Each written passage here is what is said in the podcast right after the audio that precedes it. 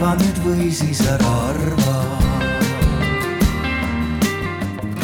tere kõik hea meel on näha, et siia on juba üsna varasel Arvamusfestivali ajal kogunenud hulk inimesi, kes tahavad kaasa mõelda siis rändeteemadel see on rändeala eh, esimene arutelu, mis on seotud siis Mirneti projektiga.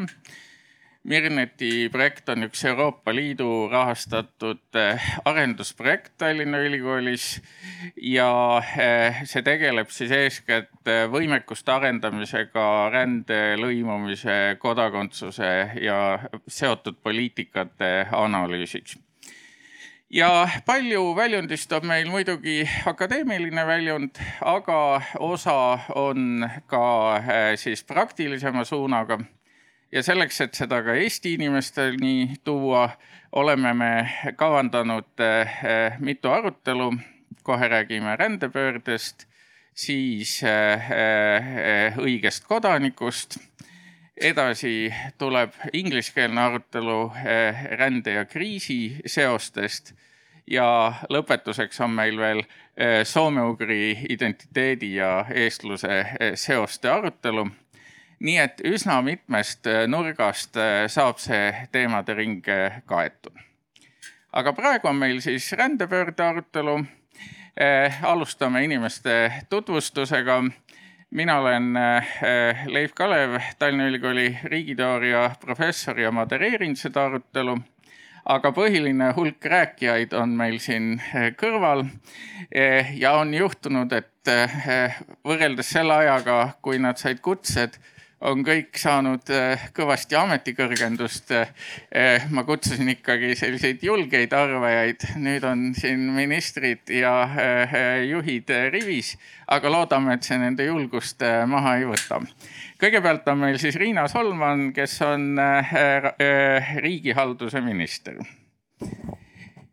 siis meil on Piret Hartman, kes on nüüd kultuuriminister. tere ja Dmitri Moskovtsev on Integratsiooni Sihtasutuse uus juhataja. ma ei tea, kas ma asutuse nime ütlesin õigesti, loodetavasti. minu poolt ka siis tere. nii ja loomulikult e, see on e, koosloov arutelu, me küll tekitame siin avatoonid ja, ja sellise arvamuste välja aga kõik on oodatud julgelt kaasa mõtlema ja saate ka sisendi andmise võimaluse. see on siis kas küsimused, arvamused, kuidas aga eelistus on. aga nüüd teema sissejuhatuseks ma ütleksin võib-olla siis nii palju, et meil on Eesti ju hakanud niisuguseks lääneriigiks saama mingis mõttes et eh, selline tavapärane stereotüüp on ju see, et Kesk-Ida-Euroopast inimesed proovivad minema saada ja lääneriikidesse igalt poolt pressitakse sisse. Eestis alates kahe tuhande viieteistkümnendast aastast ehk juba seitse aastat tagasi on ka sissetulijaid rohkem kui äraminejaid. Nii et selles mõttes Eesti on juba rohkematele inimestele atraktiivne, kui eh, siit minema läheb.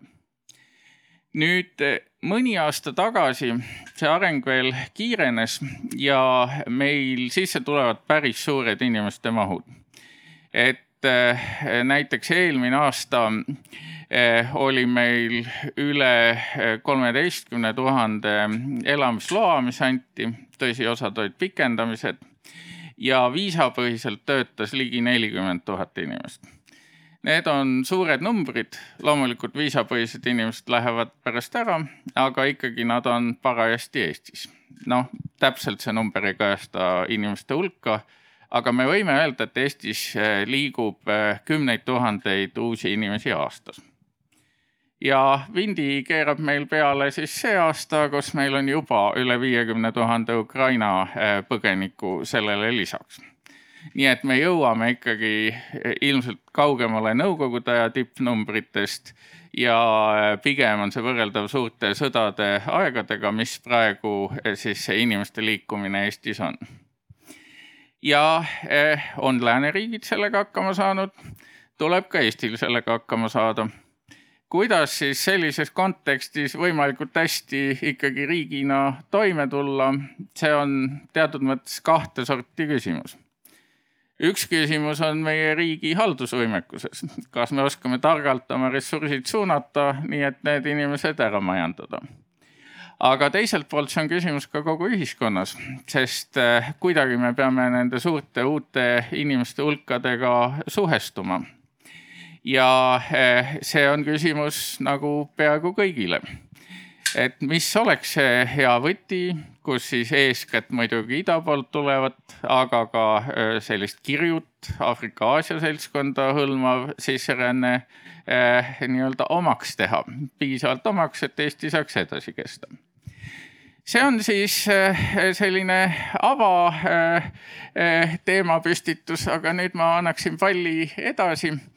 Ja võib-olla hakatuseks ma küsiksin niiviisi laias plaanis, et mis te arvate, millest võiks sõltuda see Eesti ühiskonna vastuvõtuvõime ja kuidas me, kas saaksime seda sissetulijate hulka kuidagi reguleerida või siis seda vastuvõtuvõimet eh, turgutada nii halduslikus võtmes kui ka ühiskondlikus võtmes. ja kes tahab, see alustab.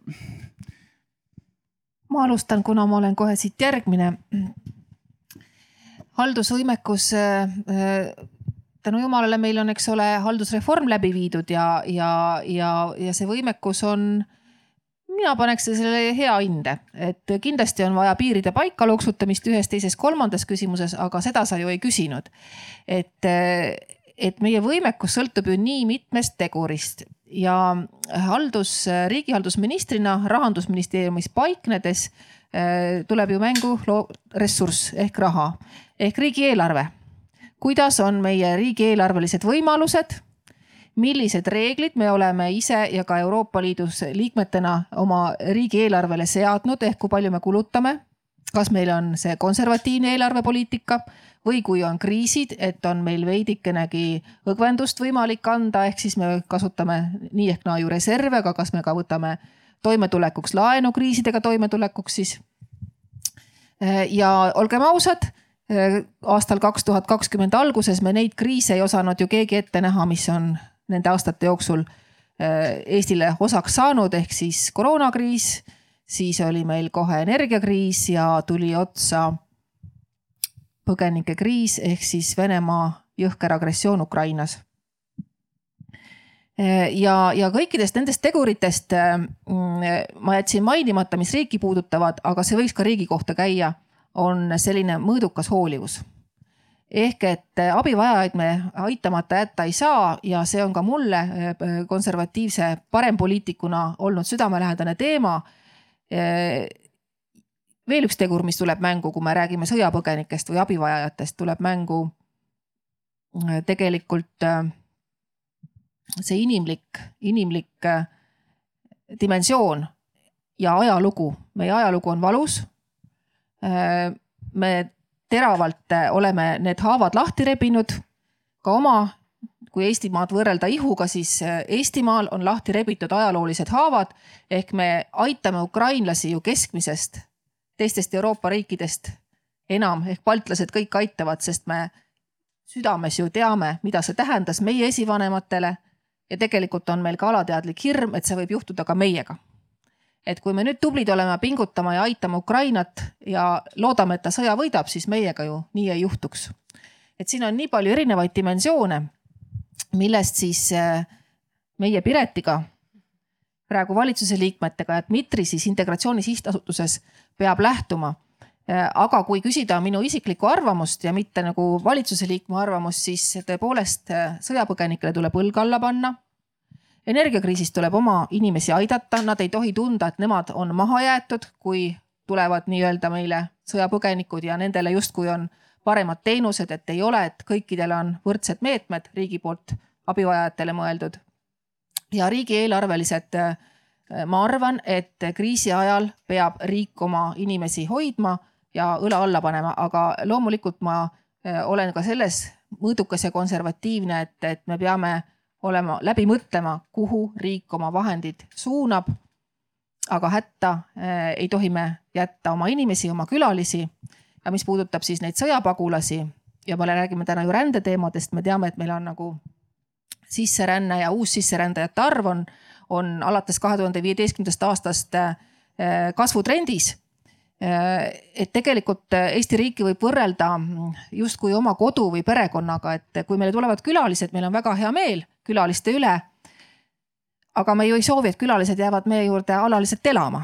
nii on ka Eesti riigiga, et, et meil on väga hea meel, kui meie juurde tullakse ja, ja väga paljud inimesed, kes siia elama jäävad ja ise hakkama saavad meie eluga ja, ja toovad meile lisandväärtust kellele siin meeldib, me oleme avatud, aga mida rohkem meil on siis uussisserändajaid kellel tegelikult ei ole kõigil sarnast elukvaliteeti meiega võrreldes, see tähendab meie riigile tegelikult täiendavat sotsiaalkoormust ja, ja ressurssi sinna äh, siis suunamiseks. Äh, nad ei saa keeleruumis sama, samal kombel hakkama ja ilmselt hiljem, hilisemas elus kuhjuvad ka sotsiaalprobleemid. arvestades ka seda, et me oleme väike rahvus ja eestlaste rahvaarv on tegelikult kahanev sünni, sünnitusikka jõuab meil ühe kolmandiku võrra vähem noori inimesi, kes saavad ka selle võrra vähem lapsi, siis kui me vaatame, et tuhanded ja tuhanded uussisserändajad eh, tulevad eh, meile elama ja kas me siis tahame seda soodustada. kas me suudame nad kõik lõimida? Lõimimine siiski eeldab ju seda, et kohalikku elanikkonda ja, ja keelekandjaid on rohkem lõimitavatest.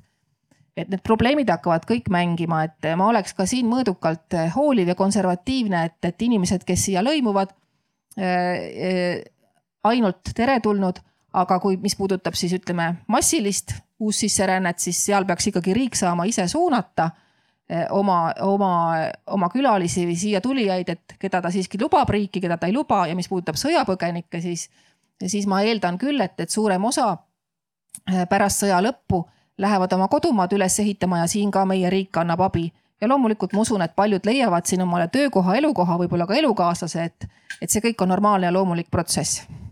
aitäh.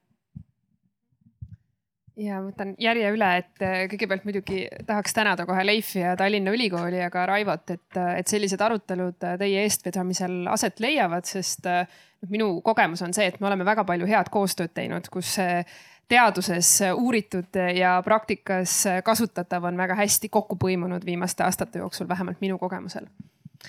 nüüd, kui me räägime sellest nii-öelda ühes ühiskonna võimekusest, mis saama hakkab ja mis see olukord täna on, siis äh, see, et meil täna tuleb rohkem inimesi, noh, täna küll põgenike puhul erandkorras, aga muidu rohkem siia kui ära läheb, näitab, et äh, me oleme jõudnud selle riigini, kus me olla tahame. et me oleme vaba, demokraatlik ja edukas riik kus äh, ka väljapoole inimesed saavad aru, et siin on, siia on hea tulla, siin on väga hea ühiskonnakorraldus, inimestel on vabadus ennast teostada ja nii edasi. et ma arvan, et see on märk tõesti sellest, et, et me oleme hästi hakkama saanud ja ma arvan, et Euroopa Liidu liikmena riik peakski olema selline, nagu tänane väike Eesti on. nüüd, kui küsida seda, et noh, selle hakkamasaamise kohta, et ega siis kultuuriline mitmekesisus ja erinevad rahvused äh, ei ole tegelikult viimaste aastate trend. et Eestis on äh, üle kahesaja juba inimese, üle kahesaja erineva rahvuse elab täna. Ja me oleme selle kultuurilise mitmekesisusega juba väga mitmeid aastakümneid tegelikult tegelenud ja hakkama saanud. et loomulikult on täna väga palju väljakutseid ka aga ühiskondlikus mõttes ei ole meil täna selliseid konflikte, kus me näeme, et äh, erinevad rahvused äh, väga jõuliselt kokku põrkuvad, et me oleme ühiskonnana siiski suutnud äh, koos siin toimetada nüüd, kui me räägime sellest, et, et noh, tulevikus tuleb veel juurde ja ka praegu tuleb väga palju inimesi, et, et mis see nagu võti on, et kuidas siis hakkama saada, et kindlasti on see, et, et ei ole nagu ühte sellist võluvõtit, et kui me nüüd teeme seda, et siis me nüüd ühiskonnaga oleme hästi võimekad et kui me vaatame ka seda lõimumise kohanemise poliitikat, siis meil on väga palju erinevaid valdkondi, kes peavad hakkama saama. sotsiaalsüsteem, haridussüsteem, tervishoid, turvalisus ja nii edasi et äh, seda valdkonda, selles valdkonnas pikalt toimetanuna äh, see teema on ülihorisontaalne ja see peab olema nii-öelda hästi juhitud ja need erinevad osapooled peavad olema võimekad. pluss siis ka see, et äh, me ühiskonnana ja inimestena oleme selleks valmis. et, mille üle viimase punkti toon, et mille üle on täna hea meel, et siseministeeriumi eestvedamisel tehti siseturvalisuse uuring ja küsitleti ka ühiskonna või noh, liikmete käest, inimeste käest, et milline on teie valmisolek nii-öelda siis aidata siia tulnud inimesi et seitsekümmend protsenti on kas väga valmis või valmis aitama. et ma arvan, et noh, viimaste aastate jooksul või aastakümnete jooksul on ka see ühiskonna valmisolek kasvanud aga noh, loomulikult äh, ma olen sellise targa rände pooldaja, et meil tuleb ka läbi mõelda see, et kui inimesed siia tulevad, et siis nad saavad teostada ja panustada sellesse ühiskonda, et nad ei jääks kuidagi kõrvale, et nad ei segregeeruks, ei eralduks oma kogukondadesse. nii et äh, noh, need on teemad, millega me täna kindlasti saame veel edasi rääkida, aga ma annan sõna edasi minu jaoks on äh, küsimus selles, et et, et, et me kõik täna siinolijad ja eriti need, kes Arvamusfestivalil osalevad, me kõik iga päev teeme midagi selleks, et meie Eesti elu läheks paremaks ja iga päev ta lähebki, noh, seda on näha ja ikkagi, kui meil, meil on probleemid riigis, aga noh, samm-sammult iga aastaga ikkagi meie elu, meie elu siin äh, paraneb. Ja mida paremaks läheb Eestis elu, seda atraktiivsemaks muutub meie riik teistele, kellel võib-olla noh, ei ole nii kõik hästi ja, ja me peame sellega arvestama, see on paremat, paratamatus, aga minu jaoks on peamine väljakutse see, et kui meile tulevad inimesed ja me võtame need vastu ja, ja noh, et nad, et nad jääks turistideks nii-öelda, jah aga nemad ka hakkaksid äh, panustama sellesse, et äh, Eesti riik äh, muutuks paremaks ja kuidas me seda potentsiaali saame ära kasutada. et veel kaks kuud, kuud tagasi ma töötasin rahandusministeeriumis riigihalduse valdkonnas ja et saan nagu selle noh, ja saan, tahan tuua veel nagu ühte perspektiivi, et üks valdkond, selline lõimumine, ta on horisontaalne, nagu Piret ütles, et teine selline valdkond on regionaalpoliitika jah, mis on ka horisontaalne äh, mis on noh, meie kõigi nagu asi. Ja, ja tegelikult veel e-, enne äh, selle aasta veebruarit ähm, äh, oli suureks väljakutseks, et meil väljaspool Tallinnat ja Tartut elanikkond kahaneb. Ja äh, rahvastik, Statistikaameti prognoosi järgi päris mitmel äh, maakonnal, sealhulgas Ida-Viru, Jõgevamaa, Põlvamaa, seal el-, ela-, et võib elanikkond väheneda, see võis selle eelmise prognoosi nagu kohaselt ja praegu, aga praegu meil põgenikud tulid, nüüd nagu natuke muud, aga ma ütlen, et, et, et see nagu äh, võib väheneda kolmandiku võrra, jah, elanikkond kahekümne aasta jooksul, selline prognoos täna. ja see tähendab, et, et, et seda piirkondade jaoks see on suur väljakutse, et mida vähem inimesi, elanikkond vananeb äh,, nagu väheneb see tähendab, et elamu, majanduse jaoks on seal väljakutsed, elamumajanduse jaoks on väljakutsed ja üldse regionaalpoliitika jaoks. täna meil, äh, kui vanasti, kui meil olid sisserändajad, siis nad on noh, muidugi Tallinn, Tartu ja peamised kohad, aga täna Ukraina põgenikud üle Eesti kõikides omavalitsustes ja täna on nende jaoks no ühelt poolt väljakutse, teiselt poolt. See on väga suur äh, äh potentsiaal et selles elanikkonna kahanemise olukorras on nendel uued motiveeritud elanikud, äh, keda saab kohe kaasata, uusi töökohti tekitada, ettevõttele pakkuda neid piirkondi ja, ja seda nagu probleemi lahendada ja vähendada seda kahanemise probleemi. Ja ja me juba kohe nägime kevadel, et näiteks Ida-Viru eluasemeturg kohe elavnes, kui näiteks Kohtla-Järvel ja paljudes teistes piirkondades oligi probleem, et tühju korterid on rohkem kui inimesi, kes tahab nendes elada ja korteri keskmine hind on madal ja omanikul ei ole mõtet investeerida oma eluase, siis nüüd olukord muutub. Ja nüüd on küsimus, kuidas me seda olukorda kasutame nii, et Eesti elu muutub veel paremaks ja piirkondades ka, mitte ainult Tallinn. nii kas, ja saan kõneleda. Äh, väga nõus, Dmitri, sinuga. Ja tõepoolest see rahvastikuprognoos on tehtud päris pikaajaliseks ja ta ütleb tõepoolest niimoodi, et aastaks kaks tuhat nelikümmend viis koondubki enamik elanikkonnast Tallinnasse ja Harjumaale, Tartusse ja Tartu ümbrusse jagub ka inimesi, aga tühjenevad Ida-Virumaa, saared, Järvamaa, Jõgevamaa äh, ja, ja see on väga suur probleem ja see puudutab tõepoolest regionaalpoliitikat ja regioonide ebavõrdsust. teenused konsolideeritakse valdavalt keskustesse ja maapiirkondadesse jäävad vanemad inimesed, kes siis loomulikult, loomulikult eel meie hulgast lahkuvad, aga noortel ei ole turutõrke tõttu võimalik maapiirkondades oma kodusid rajada ja nii need äärealad meil tühjenevad, see on esiteks julgeolekuprobleem. Nüüd Dmitri osundas, eks ole, et, et, et on väga potentsiaalikas uussisserändajate toel nüüd neid piirkondi elavdada.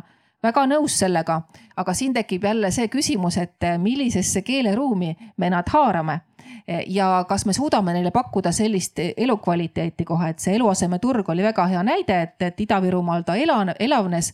aga ütleme siis Tallinnas ja Harjumaal, kus on väga suur kogukond, ei ole see tegelikult meie sõjapõgenikele jõukohane, seal on, seal on suured probleemid. ja valdavalt on ju naised ja lapsed, eks ole, naised ei saa tihti tööl käia ma olen väga seda meelt, et, et me peaksime uussisserändajaid suutma suunata siis piirkondadesse elama, mitte nagu nendele rohkem meelepärane on, et tõepoolest Tallinnasse ja Tartusse et see aitaks, aitaks siis eh, integratsioonile, et ei oleks sihukest segregeerumist, ei tekiks seda keelekogukonda, nagu meil Tallinnas ja Ida-Virumaal on. ta valdavalt ikkagi venekeelne. et minu arust võtmesõna on lõimimine ikkagi siis eesti keele ja kultuuriruumiga kõigil uussisserändajatel. aga mis puudutab äh, nüüd siis uussisserändajatega oma rahvastikuprobleemide lahendamist, siis jah, rahvaarv ei kahane, töökohad äh, tekivad ja võib-olla tehakse ka odavamat äh, tööd aga see tähendab tulevikus kumuleeruvaid sotsiaalprobleeme, kuna uussisserändajate sündimusnäitajad ei ole sarnased põliselanikele. eestlased keskeltläbi saavad enam lapsi ja see ei ole seotud äh, turvalisuse tundega, vaid see on seotud siis äh, äh, uussisserändaja enda kultuurilise käitumisega tema oma emamaal. ja, ja slaavi rahvad saavad keskmiselt eestlastest vähem lapsi, mis tähendab siis seda, et ka tööhõivega on, on niimoodi, et nad on vähesemal määral hõivatud kui meie oma elanikkond, et siis esimene põlvkond, me võime näha, et nelja aasta jooksul nad hakkavad meile eh, majanduses kasu tooma, ettevõtluses kasu tooma, aga hilisemas elus eh, on sotsiaalsüsteem ikkagi rohkem nende suunale kaldu ja, ja kindlasti ei hakka ka mm, muust rahvas, rahvusest inimesed eh, eestlasi taastootma, et meie üks probleem on see, et eestlasi jääb järjest vähemaks et meie enda äh, rahvusest inimesi on ühe kolmandiku võrra vähem sünnitusealisi ja kui me ei paranda perepoliitikaga äh, ja teatud hoobadega, mida me suuname siis sellele, et, et oleks lastel ja peredel hea kasvada. Äh, kui me sinna ei suuna ressurssi, siis tegelikult meid jääb vähemaks. me tekitame omale veel suurema integratsiooni ja lõimumisprobleemi ma ei ütle, et see kõik on nii tumedates värvides, aga need on ohukohad meile endile, kui me tahame täita põhiseadust. me oleme kokku leppinud kindlas usus vankumatus tahtes täita põhiseaduse preambulit, see on siis eesti keele, rahva ja kultuuri seis püsimajäämine. mis tähendab seda, et, et et me ei tohi ka kapselduda, ma ei ole selle pooldaja, et me peaks kuidagi suletud riik olema ja uksed kinni, aga need on ohukohad, millega me tegeleme, millega kultuuriministeeriumis on Piret aastakümneid juba vist edukalt tegelenud või kümme aastat vähemalt. natuke vähem. jah, et, et need küsimused kõik on riigil laual, aga eh, mina pooldan sellist mõõdukat, mõõdukat poliitikat eh, praktiliselt igas küsimuses, mis puudutab nii rännet, nii lõimumist kui integratsiooni. Eh, ja, ja, ja jääme ikka selle juurde, et, et eesti keele, rahvuse ja kultuuri nimel seisavad eestlased ka ise, ise oma, oma nende aspektide eest. Ma võib-olla jah, siit korra võtan selle arutelu fokusseerimiseks otsa enda kätte, et ilmselt meil on tõesti mõtet rohkem rääkida nüüd nendest inimestest, kes jäävad Eestisse. et ilmselt sellest viiekümnest tuhandest ukrainlasest mõnikümmend tuhat läheb ikka tagasi ja seal tekib kümneid tuhandeid Eesti sõpru loodetavasti.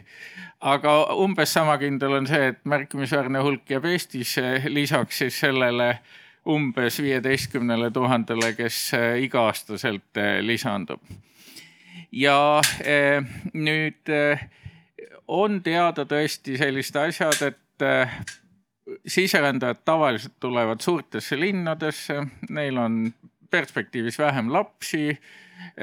Nad peab ruttu aitama otsa peale, muidu nad tõesti getostuvad, kapselduvad ja nii edasi, et riik peab suht kiiresti nendega tegelema ja see toob meid võib-olla siis selle juurde, et äh, meil ongi vaja küllalt äh, tugevaid äh, meetmeid, et nüüd neid uus sisserändajaid, eri sorti uussisserändajaid kaasa haarata.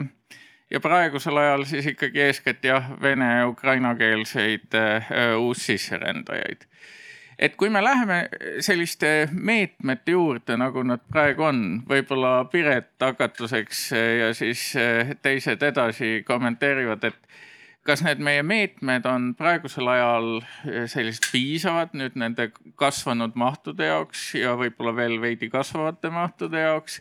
kas oleks mingeid rõhuasetusi võib-olla hea ümber sättida ja, ja nii edasi, nii edasi? siiski ma tahaks korra kommenteerida seda Riina äh, kommentaari ka ja siis äh, minna selle sinu küsimuse juurde. et noh, ma üldse tahaks küsida, kes siis see päris eestlane on, keda me hoiame. Ja mul on see tunne, et äh, olenemata sellest, kas meil tuleb täna siia inimesi või ei tule, eestlaste arv väheneb. Ja see on nagu paratamatus, millega meil tuleb täna tegeleda, et ükskõik, mida me täna teeme, see täna nii juhtub. Ja noh, mis minu nagu ülesannet et ma ei võitle kultuurilise mitmekesisuse pärast äh, kui eesmärgi iseenda pärast. aga nagu ma ütlesin ka, mina usun, et me oleme täna Euroopa liik ja see on paratamatus, et me peame nende rändeküsimustega tegelema, see on paratamatus, et täna siia tulevad inimesed. minu kõige olulisem seisukoht siin on see, et, et me, meil peab see kultuuriruumi juurikas olema nii tugev, et ükskõik kui palju siia tuleb täna inimesi tulenevalt sellest, et meil on kuskil sõda, tulenevalt sellest, et me oleme Euroopa riik, et me suudame need inimesed sellesse kultuuriruumi lõimida. ja mitte nii, et nad oma identiteedi kaotavad, vaid see, et nad õpivadki selgeks eesti keele, nad käivad eestikeelses koolis ja nad tajuvad, mis on see kultuuriruum, milles me oleme, mis on meie traditsioonid. nüüd rääkides, mida me tegema peame, et loomulikult võiks alustada kohe kõikidest murekohtadest ja, ja, ja probleemidest aga ma tahaks öelda võib-olla algatuseks sellise ka positiivsema numbri, et, et tänasel hetkel nelikümmend protsenti siia tulnud Ukraina põgenikest, täiskasvanutest käib Eestis tööl. et see on väga suur protsent ka võrreldes teiste Euroopa riikidega. loomulikult noh, meie eelis on see, et meil ongi täna venekeelsed töökeskkonnad ka, kus inimesed saavad tulla ja mõnes kohas ka ilma eesti keeleta kohe asuda tööle, eks ju. meie eesmärk on loomulikult see, et inimesed õpivad eesti keelt mis täna on nagu riigi kõige olulisem prioriteet, on see, et kõik, kes siia tulevad, et nad saaksid aru, mis on see ühiskond, kuhu nad on tulnud. et me oleme siis täna äh, kultuuriministeeriumi poolt äh, alustanud kohanemisprogrammiga, et äh, see on kohustuslik kõikidele nendele Ukraina põgenikele, kes on saanud ajutise kaitse, läbida siis selline nii-öelda ülevaate infoseminar, mis siin toimub, millised on erinevad võimalused tööturul, hariduses ja nii edasi teiseks, äh, mis on nii-öelda kohustuslik ajutise kaitse saajale, on see eesti keele õpe. et loomulikult ei ole lõimumine kinni ainult keeleõppes ja, ja keeleoskuses, et äh, ka erinevad uuringud näitavad ja tõestavad seda. aga see annab võimaluse minna tööjõuturule, see annab võimaluse oma lastel äh, haridusteed siin nii-öelda jätkata, olla toeks oma lastele ja nii edasi. et need on praegu need kaks asja, millele on kultuuriministeeriumi pool keskendunud.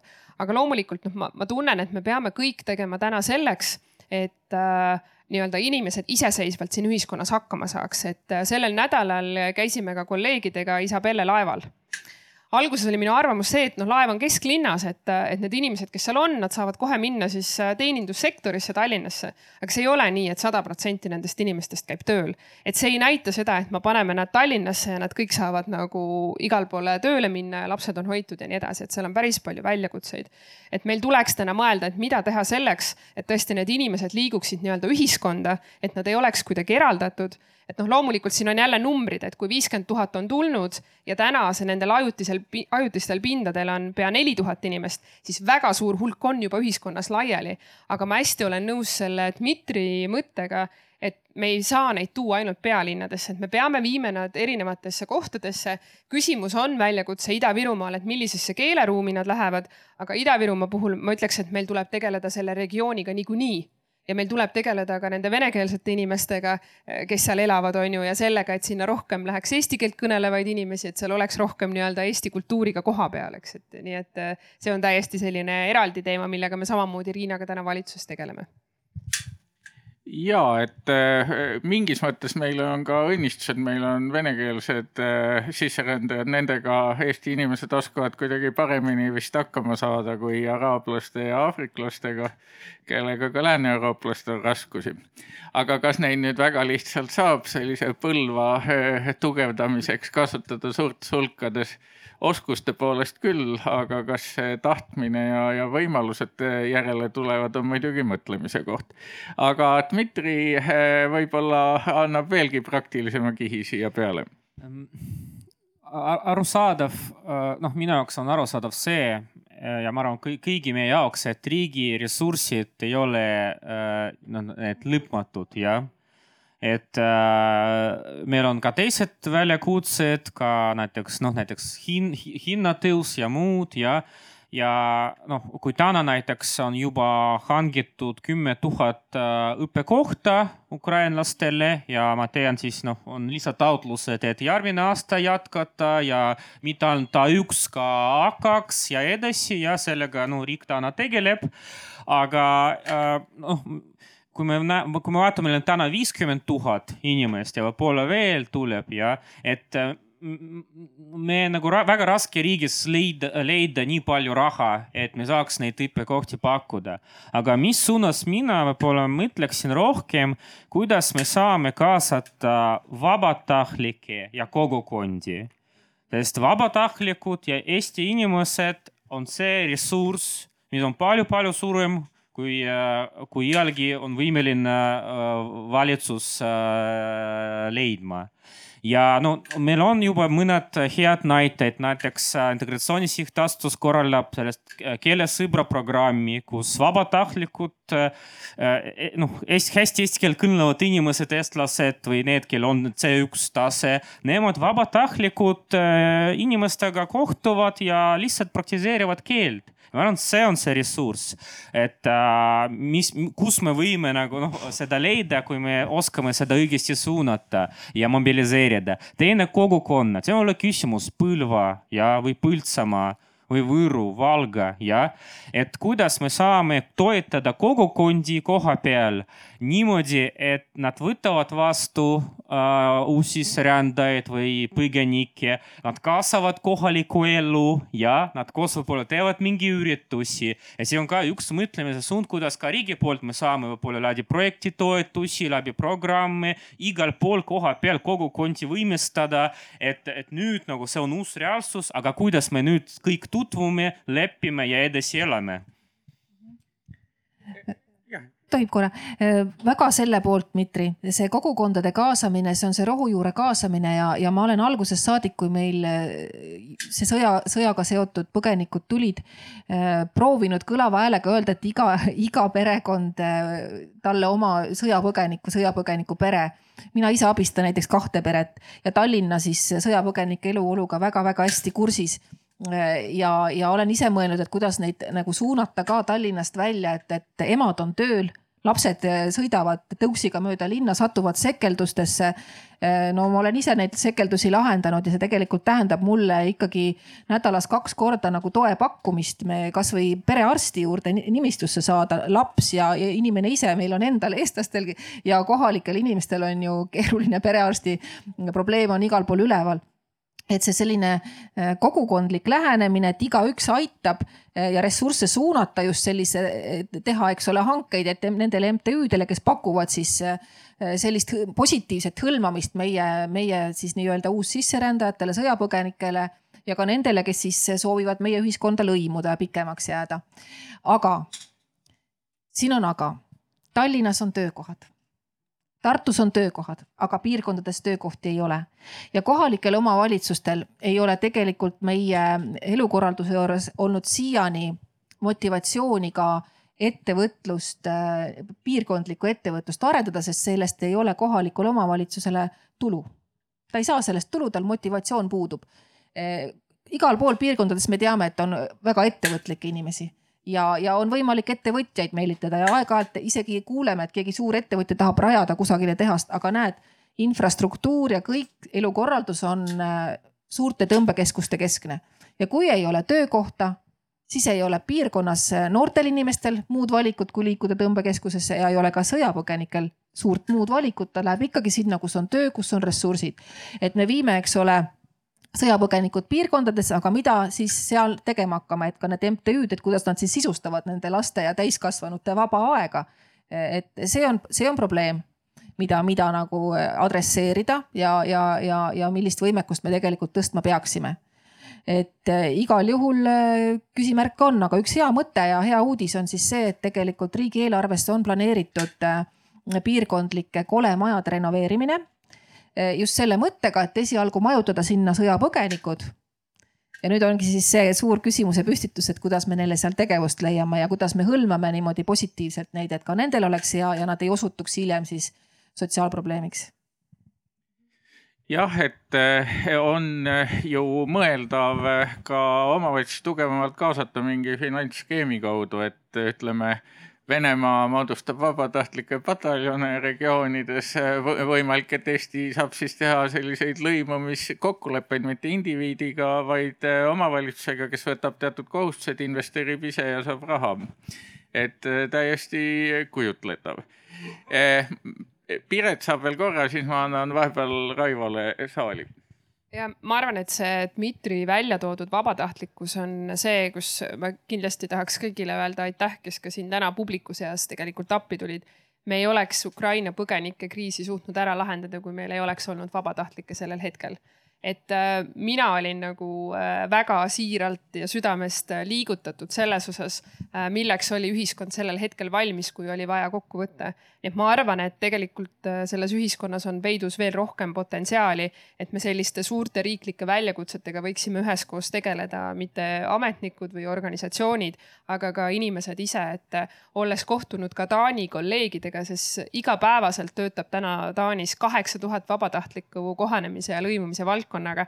et meil on juba head näited, kus äh, pea tuhat inimest on tulnud äh, appi keelt õpetama, aga ma arvan, et see tõesti potentsiaal on veel suurem ja ma olen nõus ka sellega, et, äh, et kohalike omavalitsuste võimekuse kasvatamine sellel teemal tegelemiseks, et, et see lõimumispoliitika on täna olnud suhteliselt selline riigi poolt aetud asi, aga tegelikult on ta kohalik asi see, et inimene kohapeal tunneb, et ta kuulub sellesse kogukonda, ei ole midagi, mida meie saame tegelikkuses ära teha ja noh, ma olen nõus äh, selle regionaalpoliitika aspektiga ka, et lõpuks on see, et see on valitsuse prioriteetide küsimus, see on meie prioriteetide küsimus, et äh, täna käies siin hommikul Paides ka ringi, meil on Paide teater, jah, trupp küll lahkub, aga teater on siin olemas, et äh, on võimalik teha väikses kohas küll kui tegelikult on olemas tahtmine ja soov, et ka ma arvan, selles valdkonnas on võimalik teha palju rohkem ära, kui on see teadlikkus olemas, kuidas teha ja nüüd ma võib-olla võtaksingi esimese lühikese vooruga osalejate sisendeid, eh, kui on nüüd just selle korraldusliku mõõtme kohta, mida me siiani oleme arutanud, sellist häid ideid või ka küsimusi. ja Raivol on kohe eh, esimesena võimalik siis eh, öelda, siin on nüüd selline veider. vaata, ma pean sulle viskama sellise asja ja sa pead seda pigistama. Edasi jah, pigistama. Korraks. suu lähedale et mul on üks äh, kommentaar ja üks küsimus. et see kommentaar on, et, et me oleme praegu erakordselt äh, sellises äh, heas situatsioonis, me oleme eelissituatsioonis võrreldes kõikide teiste lavadega, selles mõttes, et meil on kaks ministrit kusagil mujal sellist ei ole ja, ja, ja teine asi on see, et need ministrid esindavad erinevaid maailmavaateid. et, et Riina on rahvuskonservatiiv ja, ja, ja Piret on äh, sotsiaaldemokraat ja minu arvates oleks patt, kui me jätaks seda võimalust äh, nii-öelda kasut-, kasutamata, et, et, et nii-öelda täpsustada nendevahelist äh, erinevust et natuke, natuke see erinevus tuli juba välja, kui jutt läks, eks ole, Eesti põhiseadusele ja, ja sellistele mõistetele nagu eesti keel, rahvas ja, ja, ja kultuur. Ja me kõik kuulsime, et, et siin need tõlgendused on natuke erinevad. Ja mul ongi idee, et lihtsalt natuke, eks ole, sellist konflikti siia sisse tuua ja täpsemalt aru saada, mille poolest Riina ja, ja Piret erinevad, sest et kui nagu, nagu vaadata või kuulata, eks ole, siis kuidagi on hästi-hästi sõbralik see, mis siin toimub, aga, aga, aga tegelikult meid huvitab ka ikkagi äh, see, et, et kuidas, kuidas me täpselt äh, siis seda Eesti põhiseadust tõlgendame. et kõik, kõik me teame, mis on eesti keel, et seal vaidlusi ei ole ja enam-vähem me teame ka seda, mis on Eesti, Eesti kultuur, oskame seda sisustada, aga, aga mõiste Eesti rahvas, et, et selle puhul, et, et sellel võib olla mitmeid erinevaid tähendusi ja mulle tundubki, et, et, et, et see on, eks ole, koht, kus tuleb välja see nii-öelda tuum, tuumkonflikt rahvuskonservatiivide ja sotsiaaldemokraatide vahel ja sellepärast ma pakungi sellise vahe, vahepealse küsimuse, et täpselt täpsustada positsioone, millelt, eks ole, need poliitikasoovitused ja muud nii-öelda konkreetsed asjad tulevad, aga lähme korraks ikka selle baas kõige, kõige, kõige aluse juurde, juurde ja kas te saaksite mõlemad äh, defineerida, mis teie jaoks on Eesti rahvas? kumb meist alustab, aga ma pean muidugi ausalt tunnistama, et ähm, äh, paar aastat tagasi või tegelikult aasta aega tagasi me tegime koos Riina meeskonnaga tegelikult sidusa ühiskonna arengukava kaks tuhat kolmkümmend. rahvastiku äh, jah, sidusa rahvastiku arengukava oli ta sellel hetkel, nüüd on ta sidus Eesti kaks tuhat kolmkümmend ja me päris ausalt üle aasta aja iganädalaselt vaidlesime nende küsimuste üle, mida Raivo siin natukene puudutas. ja ma ütleks, et me jõudsime kompromissini ja ma korra ikkagi tahan seda koostöö aspekti tuua, et ma arvan, et kui me neid lõimumise teemasid käsitleme, siis on ülioluline, et erinevad vaated oleksid laua taga. et ei ole võimalik nii, et on ainult need, kellel on väga avatud vaade ja siis on need, kellel on väga selline võib-olla natukene konservatiivsem vaade, et kui me tahame sellist riiklikku poliitikat kujundada, siis on oluline, et need vaated oleks laua taga. nüüd no vot, me jõuame selle eestluse juurde, et mina enda jaoks olen väga defineerinud selle, et inimene, kes ennast ise tunneb eestlasena, ongi eestlane et me ei saa nagu hinnata siin seda, et kes on olnud tema vanemad või esivanemad või, või kus on ta sündinud, et ma natukene toon siin alati ka oma isiklikku näidet. ka minu lapsed on kahest rahvusest täna ametlikult kahe nii-öelda passiga. kes nad siis on? kas nad on siis eestlased või ei ole eestlased, loomulikult on nad eestlased, kui sa küsid nende käest, et kes sa oled, kas üks või teine, siis väga selgelt ütlevad nad, et äh, miks sa küsid mu käest sellist küsimust? Ja kui ma selle küsimusega jätkaksin, siis ta ühel hetkel ütleb, et ma ei taha elada selles riigis, kus me nagu inimeste käest äh, pärime nagu tõestust, kas nad peavad valima ühte või teist, et, et selles mõttes minu jaoks on ikkagi oluline see, et mida inimene ise tunneb ja minu jaoks on oluline see, mida noh, kui me räägime nii-öelda rahvusest et meil ikkagi täna elaksid siin inimesed, kes kuuluks või kes tunneksid seda ühtekuuluvustunnet, kes tunneksid äh, meie kultuurilugu, lugu, kes saaksid sellest äh, ühiskonnast aru, et äh, et mina kindlasti ei ole see, kes ütleb, et eestlane on see, kes mitu põlve siin on elanud ja, ja, ja ainult need inimesed peaksid täna siin elama, see lihtsalt ei oleks võimalik, see ei oleks tänasel hetkel realistlik.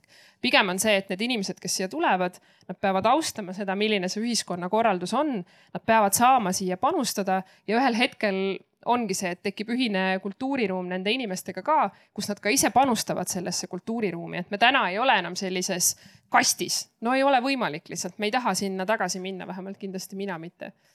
aga ma annan vahepeal Riinale ka sõna. aitäh, et äh, ja tänan selle sissejuhatuse eest, et see väike konflikti, konflikti püstitamine on tõesti elavdab võib-olla diskussiooni, et aga ma ajan selle mõiste nüüd siis, kes on kõige õigem eestlane veel laiemaks et mina kui rahvuskonservatiiv ja eestluse eest seisja, eks ole. Eh, mina olen kahest rahvusest ise, minu ema on puhas ingeri soomlane, sündinud Soomes Somerniemis. aga siis teise maailmasõja eh, eh, vangerduste ja ka taolise agressiooni tõttu, mis praegu Ukrainas tulemusel tuli tema pere siis Viljandisse elama ja kohtus seal minu mulgist isaga, et isa on mul eestlane, ema ingeri soomlane. ja rahvastiku küsimused on mulle selle tõttu eriti südamelähedased kuna, kui ma sain kuueteist aasta vanuseks, oli ka mul võimalus eh, Viljandis eh, miilitsa jaoskondades siis jagati passe, ma käisin seal siis esimest dokumenti taotlemas valida, kas ma olen soomlane või ma olen eestlane. ingerisoomlase rahvust, ingerlast ei eksisteerinud. ometi meil oli kodus ingerisoome lipp. Eh, minu vanavanemad ei kõnelenud eesti keelt, ingerisoome keelt kõnelesid no öeldakse, eks ole, et ingerlased on justkui Soome setud, eks, et, et, et sihuke hõimurahvas. aga, aga neil oli oma, oma selline kultuur, traditsioonid, tavad, aga selleks hetkeks, kui ma olin kuusteist, ma ei teadnud ingerlastest mitte midagi, ma teadsin, et mul oli võimalik valida soome rahvus. vot just selle tulemusel olen ma jõudnud äh, sügava sisemise veendumuseni, et kui sul ei ole enam keelt, kui sul ei ole enam rahvust või ei ole maad, siis ei ole sul ka enam rahvust, sul ei ole enam seda kultuuri. Ja sellised väikesed kultuurid, keeled ja rahvused on kadunud äh, mitmeid sajandeid. ja just selle tõttu äh, võibki mind siis pidada nii-öelda, ma ei ütleks, et ma olen rahvuskonservatiiv, aga ma kindlasti hindan Eestit kui rahvusriiki kindlasti on olemas eh, terminoloogiliselt õige rääkida ka põliseestlasest ja see ei peaks solvama tegelikult neid inimesi, kes ei ole põliseestlased. mina olen isa poolt põlvnemise järgi põliseestlane, ma võin ennast pidada, kuigi ma olen kahest rahvusest.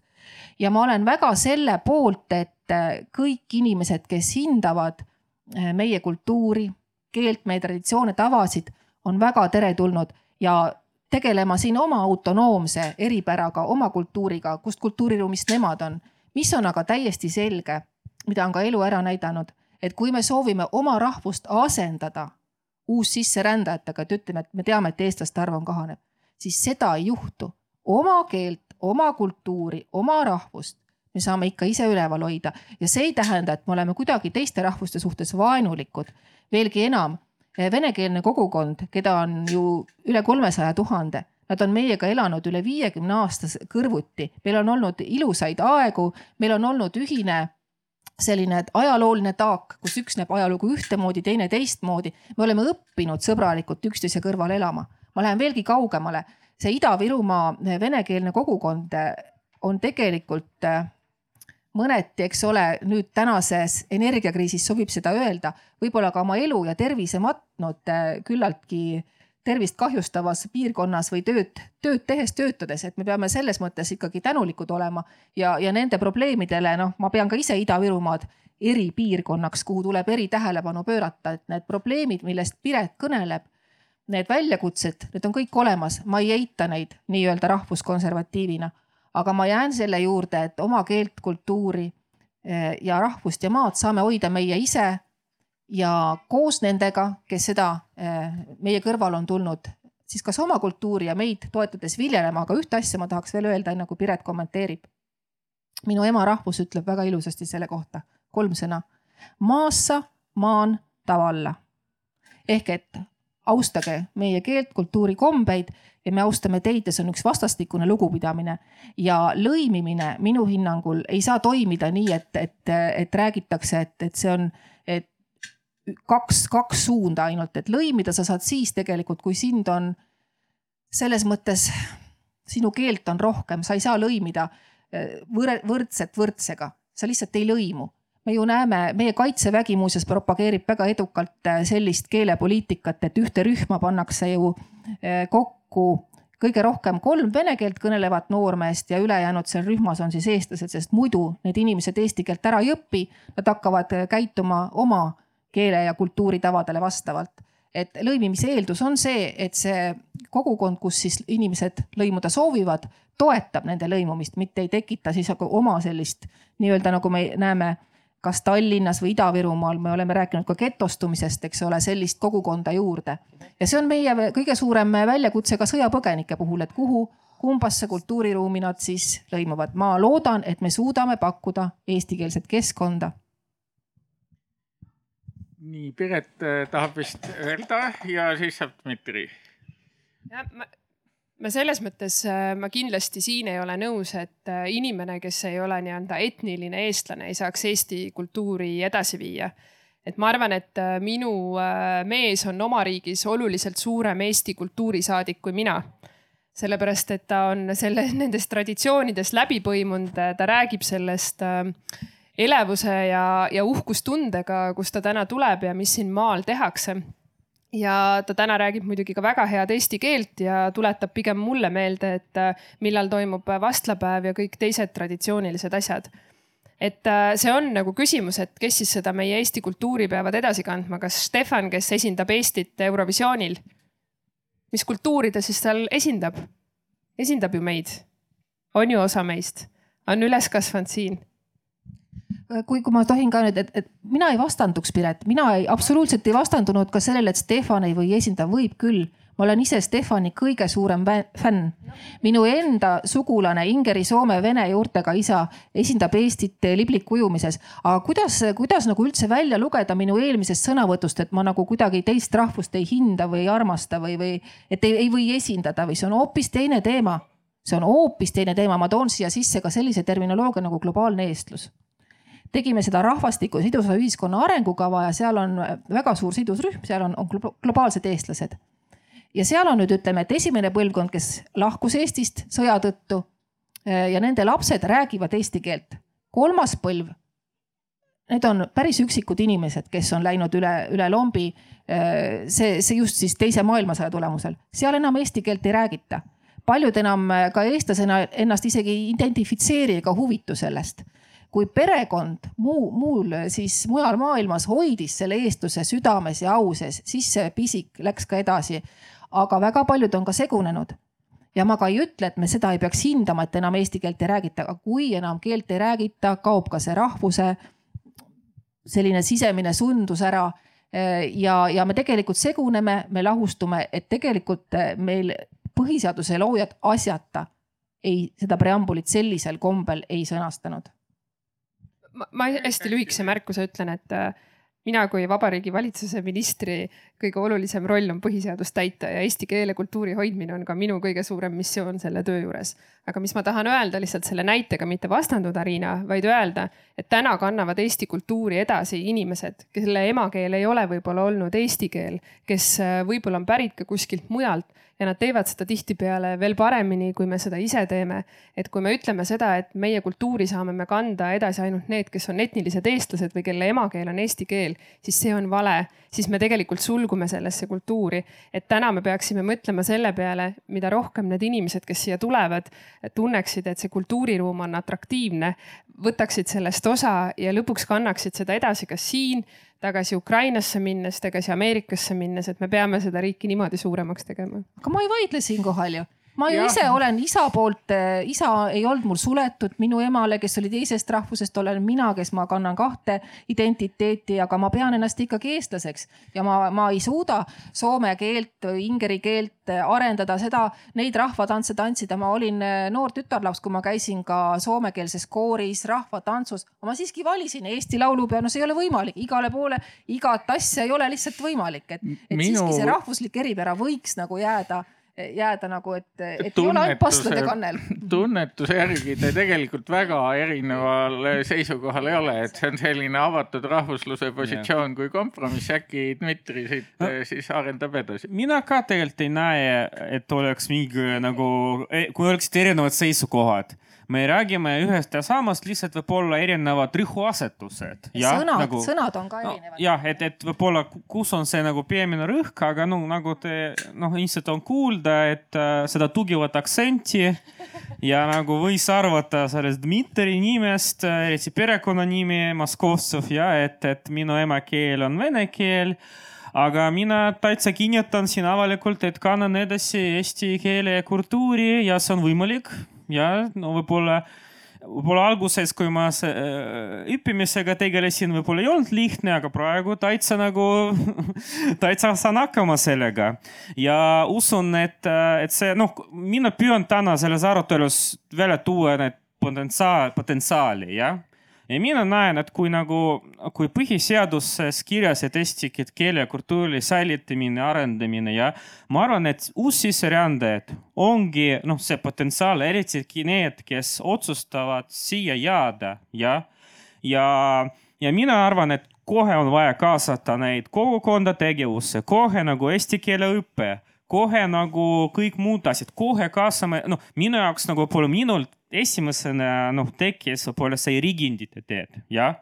et mina tahan panustada oma kodukoha arengusse, minu hoov, minu tänav ja siin saalis istuvad näiteks nagu siin me korraldame Sikupiilis äh, huvikohvikute päeva Lasnamäel ja siin on meeskonna liikmed istuvad ja, ja seal ongi meeskonnas äh, venelased, eestlased, aga me kõik koos teeme head asja ja meie piirkonnas oleks elu parem. ja ma arvan, see on potentsiaal, et me kohe kaasame uusi sisserändajaid, kohe keeleõpe ja isegi kui ta läheb tagasi oma riiki, tema ikka kannab seda, teema seda eesti keelt, jääb jaoks muutub nagu milleski oluliseks, loodetavasti. enamasti see on nii ma, ma kiiresti võib-olla ma tahaks Raivot just adresseerida, et, et kuna ta tahtis seda erisust välja tuua, ma toon ühe erisuse välja, mis minule tegelikult haiget teeb ja on viimased aastad haiget teinud. et sõna rahvuskonservatiiv on kohati nagu sõimusõna, et vot seda peab ründama, see on ilmtingimata vale et see lähtekoht, see minu sõnakasutus ja see eripära, et ma, et ma, et ma väärtustan just vot neid nurkasid, et, et me, me ei ütle mitte teine maailmasõda, me ütleme suur isamaasõda. vot, vot siuksed asjad häirivad, et kui ma ütlen teine maailmasõda, rahvusriik, et ma ei tohi justkui öelda, ma pean ütlema nii, et keegi äkki solvub, ma pean kuidagi, see ei ole õige, see ei ole õige lähenemine. Ja vot siin ma arvan, ongi see erisus, mida sa, Raivo, tegelikult küsisid sõnad on muidugi laetud ja, ja poliitika ju põhinebki nendel laetud sõnadel sageli eh, mulle tundub, et me olemegi sujuvalt eh, selle mõttevahetusega jõudnud niisuguse ühiskondliku mõõtmeni. et üks asi on see jah, et meil on teatud nagu korraldusmeetmed, mida riik, kohalik omavalitsus teevad ja proovivad siis inimesi eh, Eestiga siduda, kohandada aga küsimus on ka hoiakutes, väärtustes, nii Eesti eh, inimeste kui ka nende uute tulijate omades. ja see on ilmselt teema, millega ka eh, osalejad eh, tugevamalt haagivad. et meil ongi siin juba kaks küsijat, ma kohe annan selle palli edasi.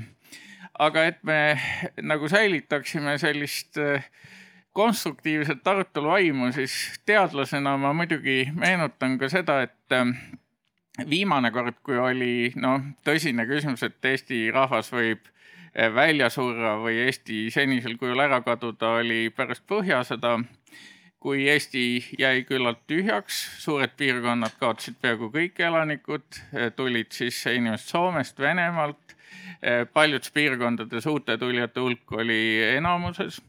Aga sada viiskümmend aastat hiljem need inimesed tegid rahvusliku ärkamise aega nii et eh, selles mõttes ei maksa arvata, et eh, inimesed ei suuda muutuda, õppida. aga loomulikult see kõik ei käi kiiresti, infoajastul see on keerulisem ja kiired meetmed ja sekkumised on siin hästi olulised, millest me juba ka natuke rääkisime. aga võtame nüüd eh, osalejate küsimused, kommentaarid ja sealt tagant on esimene. ma proovin selle palli nüüd toimetada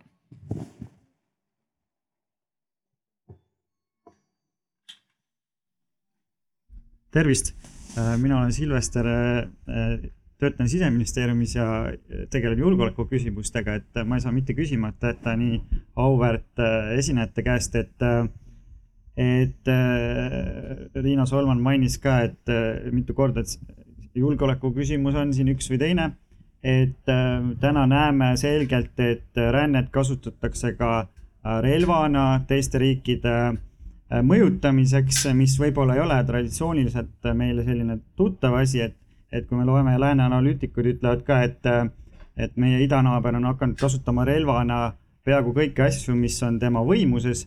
et ja arvestades seda, et see aasta Vabariigi Valitsus plaanib ka uuendada julgeolekupoliitika aluseid, siis minu küsimus oleks see, et, et kuidas me sellest rändest seal julgeolekupoliitikas võiksime rääkida, et mis on need põhisõnumid või, või lähtekohad äh,, aitäh. ma ei tea, väga hea küsimus. Äh, kui palju me sellest rääkida tohime, Silvester tavaliselt peame keldris rääkima sellistest asjadest, kui nüüd naljaga pooleks, aga loomulikult peame rääkida, ma arvan, et see, mis toimus äh, nii Poola kui Leedu piiril, oli väga selge näide sellest, äh, mida sa välja ütlesid, eks ju, et äh, kus kasutati seda hoopis teistel kaalutlustel ära. et ma arvan, et me peame olema valmis kõigeks tänasel hetkel. et ühest küljest ränne, mida me peame täna lubama, teisest küljest peame arv, arvestama ka selle rändega, mis on väga selgelt nii-öelda relv meie idanaabri poolt on ju, et äh, ja noh, mulle teadaolevalt äh, me erinevate ametkondadena ja ühiskonnaga või noh, ühiskonnaga mitte nii palju, aga ametkondadega oleme väga selgelt ka ju neid väljakutseid vastu võtnud, proovinud läbi mõelda, mis ühel või teisel hetkel juhtuma hakkab. ja selles mõttes ma arvan, et noh, mitte, et me ikkagi peaksime olema konstruktiivsed kogu selles rände küsimuses, on ju, et. et kui me laseme siin väga palju auke sisse, siis me tõesti äh, muudame selle rände relvaks, on ju, et, et me peame olema siin hästi-hästi tähelepanelikud.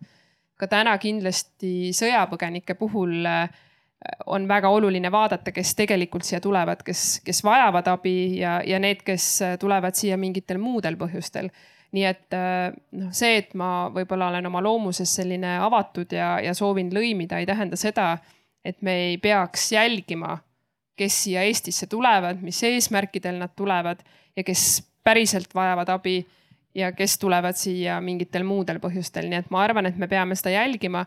konkreetselt sinu küsimusele, et kuidas me julgeolekupoliitikas peaksime seda määratlema, ma usun, et kui me nende arutelude juurde jõuame, siis tänasel hetkel on ka väga palju meil kogemusi, millele toetuda, ka meie Euroopa riikide ja naabrite kogemusi, millest lähtuda, nii et, et ma loodan, et me väga tõsiselt selle peatükiga tegeleme aga siin on äh, teisi rändespetsialiste veel, kes saavad äh, ka publiku seast äh, lisaks meile siis Riinaga kommenteerida.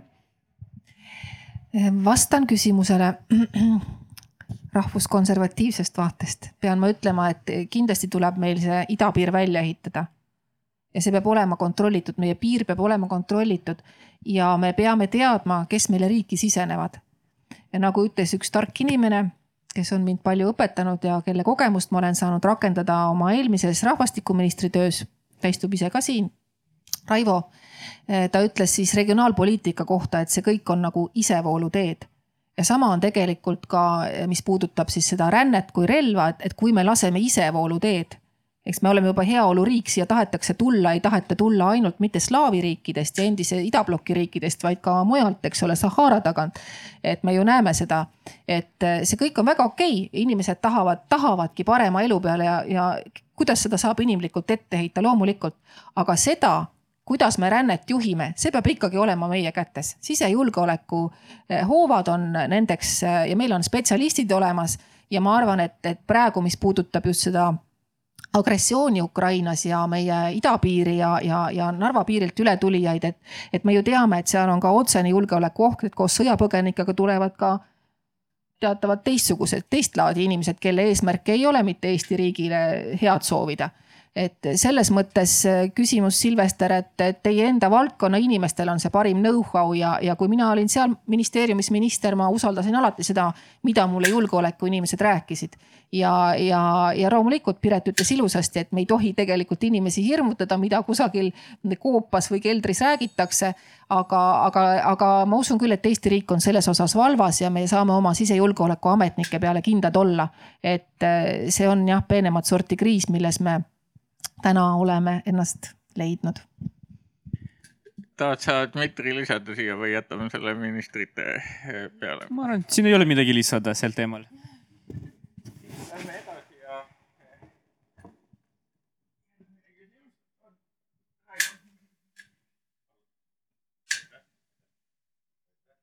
kõlab, kõlab. kõlab, kuulda. Raivo olen mina ka siseministeeriumist ja mul väga hea meel et see tegelikult läks väga põnevaks siin, kui Raivo selle küsimuse küsis ja ma ikka natuke urgitsen sinna otsa selle koha pealt, et mul oli seda põnev kuulata ja ja selles mõttes äh, ma tah-, ei saanud nagu päriselt nüüd ühte kohta selgeks, et äh, et kuidas see põlisus nagu siis nagu algab või lõpeb, et, et minu arvates seal on nagu see üks, üks nagu oluline koht, kui me mõtleme meetmetest ja mõtleme motivatsioonist, sisemisest motivatsioonist on ju saada mingisuguse ühiskonna või kogukonna liikmeks. et kas see on lõplikult ja jäädavalt suletud uks või see on mingitel tingimustel avatav, noh, ütleme, on lahti ja kuidagi siis läheb edasi, ehk siis kas see põlisus on niimoodi, et noh, on kunagi kuskil tekkinud, mida te selleks siis peate ja lõpeb siis, kui viimane selline põlis on ära läinud ja teised on kõrval või see on midagi sellist, mis on ajas nagu kuidagi nagu omandatav ja saavutatav. kui ta on seda teist, näiteks kui te lähete arutelus või vastustes, on seda teist, et siis millised võiksid olla sellised noh, mingisugused majakad või äh, komponendid ühiskonnas, millesse need äh, siis lõimuvad, need vähemused, nagu te ka ilusti siin mainisite, saaksid haarata või nagu nendest kinni hoides tuvastada või sedastada, et näete, meie oleme ka sellised nagu noh, siis nagu see suurem osa on. et see on minu arust hästi oluline, sest kass võib peegli ees mõelda, et ta on lõvi. aga kui teised lõvid ümberringi arvavad, et ta on kass, siis ta on ikka kass edasi ehk siis neid majakaid peaksid aktsepteerima mõlemad pooled selles ühiskonnas ja kogukonnas, siis võib-olla oleks olemas. et kui teil on selle peale mingeid ideid? Mul selline väike ideepojuke tuli, kui sa rääkisid, et, et ma tõepoolest ei ole tegelenud oma erinevates ministriametites väljaselgitamisega, et kes on kõige õigem eestlane. aga me võime ju välja selgitada selle, kes on Eesti kodanik, kes ei ole Eesti kodanik mina näiteks astusin mõned päevad tagasi Naiskodukaitsesse. tulenevalt tänasest situatsioonist ja sellest julgeolekuolukorrast ma leidsin ja minu jaoks ei ole see lihtsalt, et, et ma astun kuhugi. ma olen aktiivne ühiskondlik inimene olnud kogu aeg, kodanikuaktivistina teinud üht-teist kolmandat ja ma ei ole astunud Kaitseliitu ja Naiskodukaitsesse sellel põhjusel, et ma leidsin, et ma teen juba piisavalt palju vabatahtlikku tööd, aga nüüd selles olukorras, kus me oleme, leidsin ma, et pole palju oma elu pühendada Eesti kaitsmisele. me oleme sellises olukorras ja ma ei tee lihtsalt, et ma astun kuhugi, vaid see on akt, see on tahteakt. Ma olen Naiskodukaitsesse selleks, et kaitsta oma kodu, oma peret, anda panus oma riigile, Eestimaale. ja nüüd, kui me tuleme, et kes siis see kõige õigem eestlane oleks, ma arvan, see on Eesti kodanik. siin tulevad uued probleemid, me saame ju kodakondsusseadust õgvendada, muuta, teha veel ta lahti. aga tegelikult on see nii kas sa oled Eesti kodanik, sa saad neid hüvesid, mida Eesti riik pakub või sa ei ole, sa oled teise riigi kodanik. hästi lihtne ongi, et küsimused tulevad kohe topeltkodakondsusega otsa ja kõike, kõik, kõik topeltkodakondsed ei ole ju meil Venemaaga topeltkodakondsed. Või ka ütleme, Venemaa kodanik, kes on tahtnud Eesti riigi kodakondsust saavutada, ei saa sellest oma kodakondsusest sealt vabaks, eks ole, ta ei saa Vene saatkond lihtsalt ei anna talle seda võimalust, ta on kõik keeleeksamid teinud. et siin on probleeme, probleemide pundar, mida lahendada, aga ma arvan, et see küpsusaste, mida sa, Raivo, küsisid, puudutab seda aspekti, tahtlust, see on tahteakt ma arvan ka, et selles mõttes ma olen Riinaga nõus, et nagu ma ka alustasin siis, kui Raivo meie käest küsis, et lõpuks on see, kes ise tunneb ja tahab olla eestlane, on eestlane, et siin ei saa öelda kas sa pead elama kolmkümmend aastat selleks ja mis on need erinevad kriteeriumid. ja ma arvan, et see on pikk protsess. see ei ole nii, et sa tuled siia ja ütled, ma nüüd olen eestlane, et, et see on väga pikk protsess inimese enda jaoks ja ka, ja ka nende kõrvalolijate jaoks.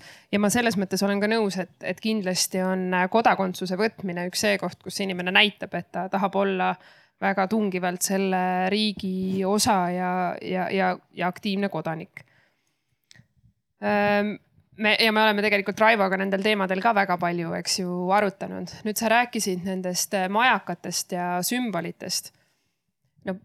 Minu tunnetus on see, et, äh, et eesti keel on ikkagi üks oluline sümbol ja majakas. et noh, kui ma näen oma kõrval inimesi ka noh, needsamad võib-olla, kui te nägite Ukraina põgenikest tudengid, eks ju, et esimene asi, mida kiideti, oli see, et oi, küll te olete õppinud selgeks eesti keele, küll te olete nii tublid, eks ju, et kuidas nii kiiresti. et ma arvan, et kui me võtame enamus ühiskonnaliikmeid, siis see keele moment on äh, hästi oluline faktor noh, üha rohkem mulle hakkab tunduma ka see, et, et inimene teab, mis siin selles ruumis toimub. Et kui me täna vaatame neid murekohti Narvas, siis see näitab seda, et need inimesed tegelikult ei osale Eesti inforuumis, eks ju, et nad on olnud seotud väga selgelt nagu äh, idanaabri äh, kommunikatsiooniga ja sealse inforuumiga. et need inimesed, kes ikkagi elavad siin, peavad olema osa sellest äh, meediast ja kommunikatsiooniruumist ja noh, ma arvan, et lõpuks on ka näitaja see, kas inimene võtab osa nendest traditsioonidest, kas need tähtpäevad, mis on Eestile olulised, kas ka nendest võetakse osa, kui me räägime kahekümnendast augustist, kahekümne neljandast veebruarist, räägime jaanipäevast ja nii edasi. et ma arvan, et see on ka ikkagi üks oluline näitaja, et sa tunned, et nendel päevadel juhtub midagi erilist, et, et võib-olla see on liiga selline liht-, lihtsakoeline, aga ma arvan, et see võiks olla ka üks nendest majakatest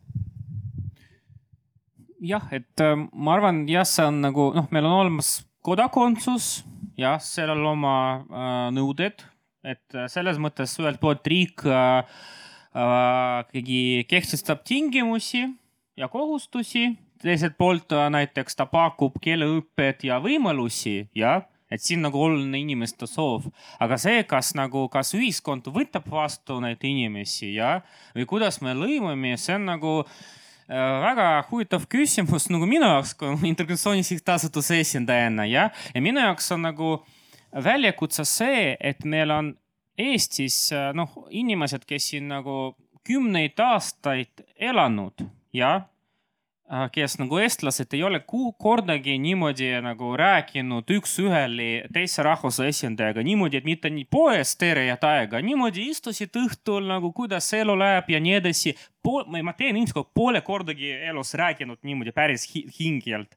meil on ka teised püsielanikud ja uussisserändajad, kes nagu oma keskis seal nagu äh, toimetavad ja äh, justkui lõimuvad või midagi ja küsimus mis tegevuste kaudu või mismoodi me saame teha nii, et meil kasvõi ühe korra elus inimene rääkis nii hingelt teise rahvuse esindajaga, siis need kõik hirmud kaovad ära. ja kui rääkida sellest traditsioonidest, et kui me nagu lepime kokku järgmine aasta, et meil mina äh, nagu siin vene rahvusest, siis Piret, Riina ja me võtame kampa veel mingi Richardi, kes siia tulnud neli aastat tagasi ja natuke juba õppinud eesti keeli. ja kui me kõik koos lähme jaanipäeval grillima, jah sel hetkel me kõik oleme eestlased. See on nagu see koht, kus me oleme nagu tegelikult on vot see nagu koht, me koos nagu ja siis me räägime, arutame ja koos tähistame seda päeva, mis on nagu meie jaoks oluline siin Eestis. või me oleme eestimaalased eestimaalased, jah. kuulge, ma natukene seda, ma, ma, ma kirjutan alla, aga kas, kas keegi ütleks ka, kas Saksamaal elavad saksamaalased, kas Inglismaal inglismaalased, kas Prantsusmaal prantsusemaalased, et peame natukene selles mõttes mm, hobuseid, et äh, ma, ma siiski, ma siiski toonitan, et äh, seal lõkke ümber tavaliselt äh, kui on, eks ole, inglise keel, vene keel ja eesti keel ja siis me oleme kõik eestlased, et, et ma ei tea, kas meil, kas meil see siiski õnnestub, see on, see on, see on ilus unelm, ütleme, et see on unistus, et see nii oleks. tegelikult juhtub seal see, et millist keelegruppi on rohkem. Aga Dmitri, ma olen sulle tänulik, et sa, sa mõtled sellises võtmes, et kuidas me võiksime äh, paremini läbi saada nende murede keskel, nende ajalooliste haavade keskel, mis nüüd selle Ukraina sõjaga on üles tõusnud ja, ja see on vaat tahteakt. see on minu arust kõige tähtsam, see suhtumine ja tahtlus kas meil see kõik välja kukub, eks ole, see võtabki aastaid ja suur tänu teile mõlemale, et te selles valdkonnas olete olnud tegutsenud ja, ja väga tublid olnud. Ma võib-olla ühe aspekti tooks, mis äh, oli Dmitri jutus väga oluline, on see omavaheliste kontaktide teema. et mul elus päriselt on olnudki selline koht, kus me oleme lõkke ümber istunud äh, jaanipäeval ja minuga tuli kaasa minu kodukohta sõber Saba, kes on iraanlane ja siis äh, meie vanaema Salme ütles, et Bože moi, kelle sina kaasa siia võtsid. ja see Saba ütles, et tere, mina olen Saba eesti keeles, kuidas sul läheb? Ja nüüd äh, Saba käib juba viimased neli-viis aastat meil äh, jaanitulel ja mitte keegi ei saa aru, et ta on iraanlane, vaid ta räägib kõigiga eesti keeles. on mitu päeva meiega isa muidugi esimestel suvedel küsis, et kuidas, kuidas teil Iraanis seal neid pomme pannakse siis ma mõtlesin, et nagu kuidas sa sellist asja küsid, eks ju, et me oleme avatud ja sõbralikud. aga tal oli vaja ära küsida, et kui me ei loo neid kontakte, siis me tegelikult ei loo mõistmist, siis me jäämegi nagu erandlikult sellesse kogukonda ja meil on eelarvamused. et see mõistmine tuleb siis, kui me tõesti päriselt hakkame omavahel suhtlema ja ma arvan, et see on see, millele tuleb nagu tulevikus kogu selles lõimumispoliitikas hästi olulist tähelepanu pöörata. et isegi siis, kui meil Riinaga teinekord on mõnes küsimuses võib-olla erinevad arvamused, siis oluline on see, et me omavahel peame dialoogi, sest lõpuks nagu selgub tõde see, mis on nagu parim, eks ju. aga kui me dialoogi ei pea, siis me lõpuks olemegi, lõpetame teistsuguse teistsugustes nurkades ja see ei ole mitte kellelegi kasulik. vot ma ütlekski siinkohal täpsustuseks, et minul on okei okay,, kui teie ütlete Dmitriga eestimaalane ja mina ütlen eestlane, ingerlane, venelane, iraanlane. mul on see okei okay,, et te ütlete teistpidi. aga ma tahaks, et mul oleks õigus ka jääda oma, oma sellise sõna ja semantilise tähenduse juurde, et ja siis sealjuures väga hästi omavahel läbi saada ja ma, ja ma arvan, et see on ka oluline, et me ütleme välja, et mina olen sotsiaaldemokraat ja meil on konservatiivid ja meil on liberaalid ja nii edasi, et ma arvan, et äh, üks oluline, mida me ühiskonnas üldse peame nagu tõmbama maha, on needsamad eelarvamused. et see on no, seesama rahvusriigi küsimus, mille me kirjutasime sisse sinna sidusasse Eestisse, oli pikka aega arutelu, sest need on laetud sõnad nendel teemadel nagu inimestel tekivadki erinevad emotsioonid no,, aga me jah, peame hakkama rääkima nendest. ma olen täiesti nõus sellega. tõsi, see oli üks vaidluskoht, kas rahvusriik sidusa, rahvastiku sidusa ühiskonna arengukavasse kirjutada. no minu jaoks täiesti elementaarne, Eesti on rahvusriik, see on põhiseaduse tasandil niimoodi sõnastatud meie eest juba ja see ei ole ju kellelegi solvamiseks niimoodi sõnastatud. ja sealjuures me austan, ma austan Dmitrit, ma austan sinu abikaasat, ma austan oma sugulasi, kes on teisest rahvusest, hõimlasi aga näiteks minul ei ole probleemi, et mina olen venelane ja meil on eestlasi, selles mõttes nagu, et, et mina nagu ei näe, mis on siin arutelu koht üldse tegelikult. me kõik saame aru, et meil on nagu elanikud. Dmitri, tead sa, seal on see koht, mille, mille eest mina olengi kutsutud Isamaas võib-olla seisma, et see on hea, et sa ei tea seda. et see ongi, et asendame ära need, need rahvuse nimetused ja et ärme solva, ütleme eestimaalane, eks ole aga no, no ei pea ju häbenema, mis rahvusest inimene on või oma rahvust, see on, see ongi väga-väga rumal mm -hmm. lähenemine, et, Mhm. et nimetame midagi muud, et me kedagi pidevalt ei solvaks, ärme räägime nagu, kasutame neid sõnu, mida me oleme kasutanud, et ärme ütle teine maailmasõda, ütleme vot selles kultuuri kontekstis suur Isamaasõda. no mina sellisest mängutamisest nagu aru ei saa, et, et see ongi meil kui Ida-Virumaal ju rullunud lahti praegu. et me oleme kogu aeg proovinud. igal ajal leiutatakse seda sõnavara üha uuesti ja uuesti ja küllap eh, tehakse seda ka tulevikus. meil on tekkinud veel kaks küsimust, proovime need enne arutelu lõppu ära küsida, et eh, ma siit kohe annan mikrofoni.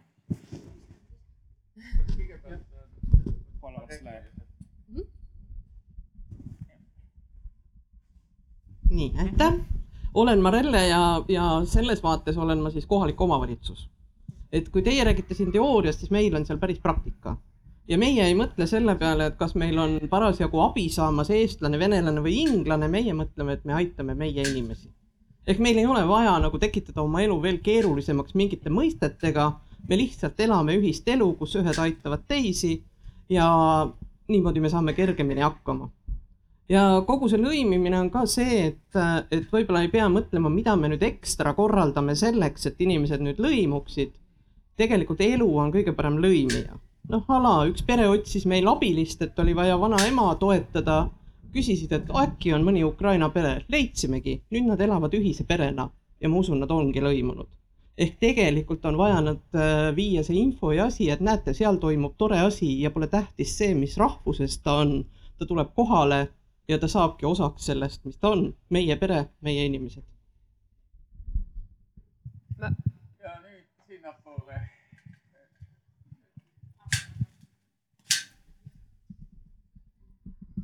Nii et äh, Barbi Pilvred esitasid sihtasutust, aga mu küsimus on, tegelikult puudutab kodakondsust, ent enne seda tahtsin öelda, et meil on nii-öelda neutraalse sõnana kasutusel mitte-eestlane et see on ka sotsioloogias, eks ole, me nagu teeme küsitlusi, seal on mitte-eestlased, tegelikult see ei ole üldse neutraalne sõna, et see on nagu tulnukas, me võiks selle üle nagu mõelda.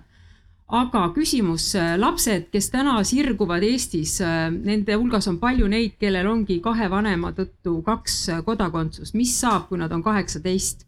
et see on Piret, sinu teema, see on ka näiteks minu teema ja paljude teiste teema, kes on sellised mitme rahvusega pered, et mis neist lastest saab, kui neil on kaks kodakondsust, et kas Eesti kodakondsusseadus peaks muutuma? Nonii, siin vist tulevad hõlpsasti erinevad mõtted ja yeah. palun, kes tahab alustada? et, et ma võib-olla korra kommenteerin ka eelkõnelejat ja ma olen täiesti sada protsenti nõus noh, lihtsalt lõimumispoliitikaga tuleb sekkuda seal. Sillamäelt tuli mõned päevad tagasi mulle kiri, et äh, Piret, et äh, hea meel, et äh, olete asunud olulist rolli täitma, aga et Eesti kultuur ei jõua siia, et meil on mõned sündmused toimunud, aga palun tehke midagi selleks, et Sillamäele, et meil on kindlasti mõned kohad, kus me peame selle lõimumisvaldkonnaga sekkuma, aga ma olen nõus, et lõpuks on see, et asjad toimuvad praktilisel tasandil ja mul on väga hea meel, et, et te tegelikult neid inimesi aitate nüüd see kodakondsusküsimus, noh praktilisel tasandil, Barbi on ju, ma arvan, et minu lastest sellel hetkel ongi see, et nad jäävad kahe kodakondsuse juurde, sest kumbagi ei saa ära võtta, mõlemad on sünnijärgsed, eks ju. ma arvan, et no ma olen selle teemaga tõesti ka selle viie-kuue aasta jooksul väga tihedalt kokku puutunud, ma arvan, et üks on see, et me peame avama ikkagi debati selle üle ja päris nagu otse ja omadega rääkima, et äh, proovima hoida need esimesed pinged ja emotsioonid maha ja mõtlema selle peale. sest ma arvan, et neid lapsi, kellel saab olema tulevikus mittekodakondsust, tuleb üha juurde, see on paratamatus. inimesed liiguvad ringi, lähevad ära, tulevad tagasi, rahvuskaaslasi on meil täna ka kahesaja tuhande ringis on ju, et, et ma arvan, et me peame selle arutelu avama, mis täna see õige vastus on, ma ei tea tea, sest ka siin tuleb seda julgeoleku aspekti silmas pidada. ja noh, see on olnud üks nendest teemadeks, miks me täna ei ole neid samme teinud, on ju. et ega see julgeoleku aspekt ei ole ka praegu kuskile ära kadunud, aga lihtsalt äh, elu teeb ka omad korrektuurid ja üha rohkem saab olema see inimeste jaoks küsimus, on ju. ja noh, lõpuks, äh, kui ma ei tea, minu lapsed peaksid valima, on ju, siis lõpuks lõpub, noh, sõltub sellest, et kus nad siis elavad, eks ju, ma arvan kõige rohkem. aga ma arvan, et me ei peaks panema nende valikute ette, siis me kaotame nagu kõik sellest jah, siin meil on tõesti erinevad nägemused, erinevad arusaamad ja, ja, ja juurpõhjused äh, on selles, selleks äh, tagamaaks. Mm, äh, ma juba oma isiklikku staatust olen kirjut-, kirjeldanud, eks ole, et, et mul oleks olnud ka üheksakümnendatel olla kasulik olnud ingerisoomlane või soomlane lausa ja ära minna, nagu ka mõned minu ema suguvõsast inimesed tegid, emapoolsest suguvõsast siis et see kodakondsus tähendab, nagu me ennem rääkisime siiski, eks ole, Dmitri sõnastas selle väga hästi, et jah, see on kohustus, aga jah, see on ka võimalus, see on ka hüved, selle riigi hüved ja, ja kohustused. et kas me siis tahame kahe riigi hüvesid ja kohustusi? et siin on valiku koht. ja ma möönan, et miks ka mitte avatud maailm ja, ja meie lapsed ja laste nimel, et neil oleks parem aga ma jään selle juurde, et kes, kes selle kodakondsuspoliitika välja töötasid, mõtlesid selle süsteemselt ja sügavuti läbi. täna me näeme, on julgeolekukriis, see ei lahene niipea ja just nendel julgeolekukaalutlustel tuleb minna juurteni. mõelda, kas ma tahan olla eestlane või ma ei taha olla eestlane. nii lihtne see ongi, kodakondsus on tahteakt, ma soovin olla eestlane.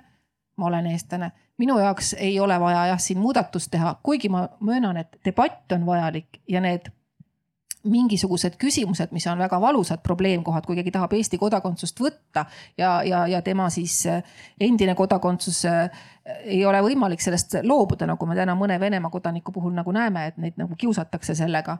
et on erinevaid aspekte, mille, mille üle arutleda, aga jah, kodakondsuspoliitika poliitikat nüüd kriisi ajal või julgeoleku situatsioonis muutma minna, eh, see ei ole mõistlik. Äh, mina võib-olla ei arutleks kodakondsuspoliitika üle, et äh, see on nagu poliitiline debatt, aga äh, kui rääkida kodakondsusest üldiselt, siis täna on tunnetus, et Ukraina sõja valguses äh, meil võib tekkida siin püsielanikes, kellel ei ole Eesti kodakondsus, et kas määramata kodakondsus või äh, noh, teiste riikide kodakondsus, veel võib tekkida uus motivatsioon saada ikkagi Eesti kodanikuks.